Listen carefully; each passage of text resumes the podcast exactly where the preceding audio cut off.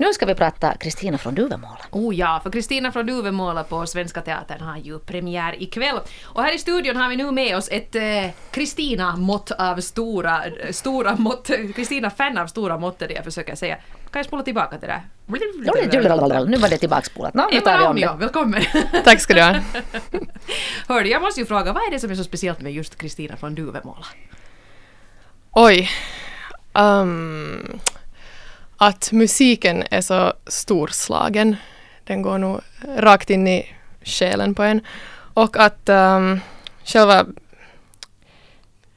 själva tematiken är så relevant för Norden och Europa överhuvudtaget. Men speciellt kanske Norden och det finns så många olika människoöden som är gestaltade inom den att det liksom mm. får en jättebra sån här man får en, en jättebra helhetsbild av vilken typ av problem till exempel som ledde till att människor överhuvudtaget började emigrera. Och alltså sen musiken måste jag nog säga den är, den är så fantastisk. Men hur, är det liksom, hur har det här börjat för dig? Började det med böckerna eller eh, började det med musikalen? Um, det började nog med något musikalintresse överhuvudtaget. Och um, sen vi hade, vi hade soundtracket hemma och jag lyssnade jättemycket på det från och med att jag var 10-11 år ungefär och framåt.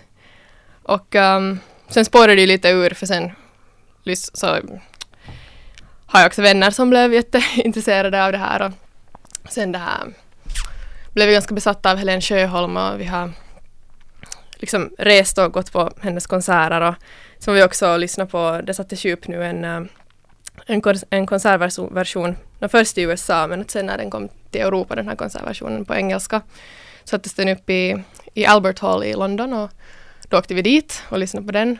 Och det var sjukt bra. Sen blev vi fast under, eh, det var helt vansinnigt, vi blev fast under det där isländska askmolnet. Ah, som, ja. Så det blev en minnesvärd resa på många sätt. Men... Alltså det blev det, ja. Tio dagar att komma hem. Men det var det värt. Det var det värt. Det var det värt. Vad som helst för Helen Sjöholm. Men den här, den här urversionen på Cirkus, den har du inte sett? Nej, tyvärr. Alltså det grämmer mig något helt otroligt. Men jag var nog, jag var för ung för att resa själv då. Ja. Var, när den sattes upp. Jag har sett väl... den, jag såg den. Nina är inte för ung för något. Nej, jag är inte för ung. Jag, en kvinna i mogen ålder. Ja. Yes. Ja, no, det är ju lite knepigt förstås för att den här ur, urversionen då med Helen Sjöholm, Peter Jöback och och Anders Ekborg och så vidare. Så det är ju förstås den som har spridits allra mest eh, som, som soundtrack och som CD-skiva. Nu kanske den också som, som ekar i, i öronen på många nu när man ska bege sig och se, se Svenska Teaters version då med helt andra människor. Eh, vi hade tänkt att du skulle få recensera den här Svenska Teaters version för du har ju alltså yes. sett den. Men här nu apropå Guldet blev till sand så måste jag ju fråga dig att hur klarar Oskar Nilsson av att framföra den här? Han klarar väldigt bra av att framföra den här. Vi, um, no, vi och resten av publiken satt nog och grät. Det var, det var helt vansinnigt. Alltså hela andra akten var ju helt, helt galet bra. Och det här det var ju liksom så här, när man väl kommer igång och blir lite så emotionell och så, sen så det liksom händer så mycket och är så dramatiskt och så var det så väl gjort. Att vi satt nog grät nästan från början till slut hela andra akten när man väl kom igång. Men hoppas i synnerhet... Hoppas de tål fukt de där nya stolarna på Svenska Teatern. Ja, det får man hoppas. Nej men, äh, men i synnerhet Guldet blev till sand så var nog mm. den, den sång där man märkte att liksom det började knäppa så här i de här handväskorna och, Just det, och drog fram sina näsdukar. Och, och så här, nej men han klarade det fantastiskt bra. Men hur klarar den andra ensemblen sig? Alltså till exempel nu då den här Maria Ylipää som spelar eh, Kristina. Jag tyckte de klarade sig nog jättebra. Alltså, jag tyckte överhuvudtaget att, att föreställningen var jätte, jättebra. Att, det är ju liksom, om man har lyssnat på Helen Sjöholm i 15 år och har liksom en inetsad version av henne i, i, i bakhuvudet, vilket kanske många har, så det tar kanske en stund att liksom frigöra sig från från det.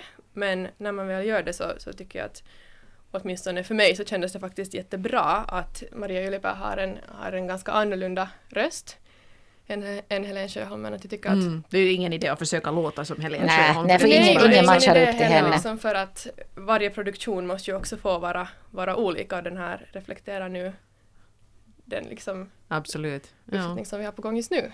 Och i Finland. Jag tycker att hon klarar sig hur bra som helst. Hur klarar eh, Maria Ylipää finskan, eh, svenskan? Alltså hon är ju ändå, modersmål är ju finska och det var lite knaggligt i början.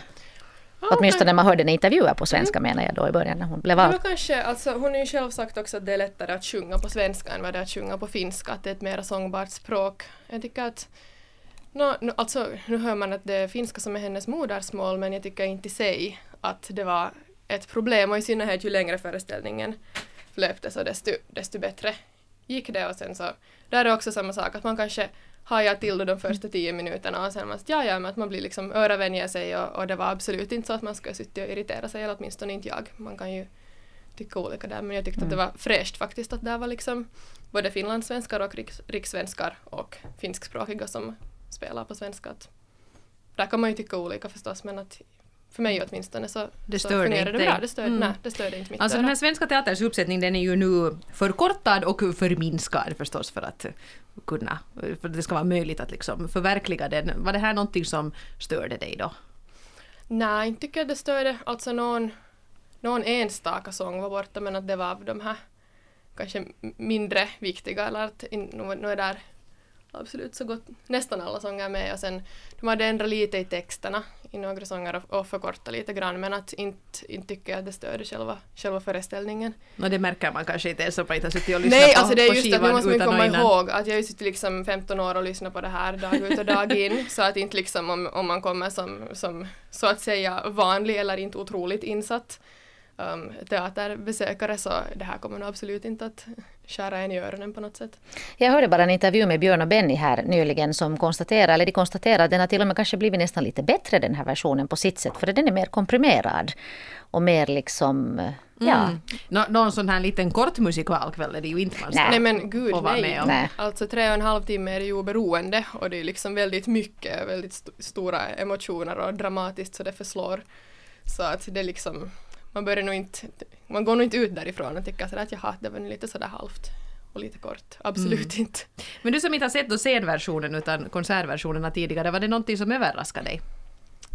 Nå, kanske det att om man är van att, att mest liksom få de här intrycken via öra, så sen när, när det liksom när det är live och det är på en teaterscen så där kommer ju så hemskt mycket mera information.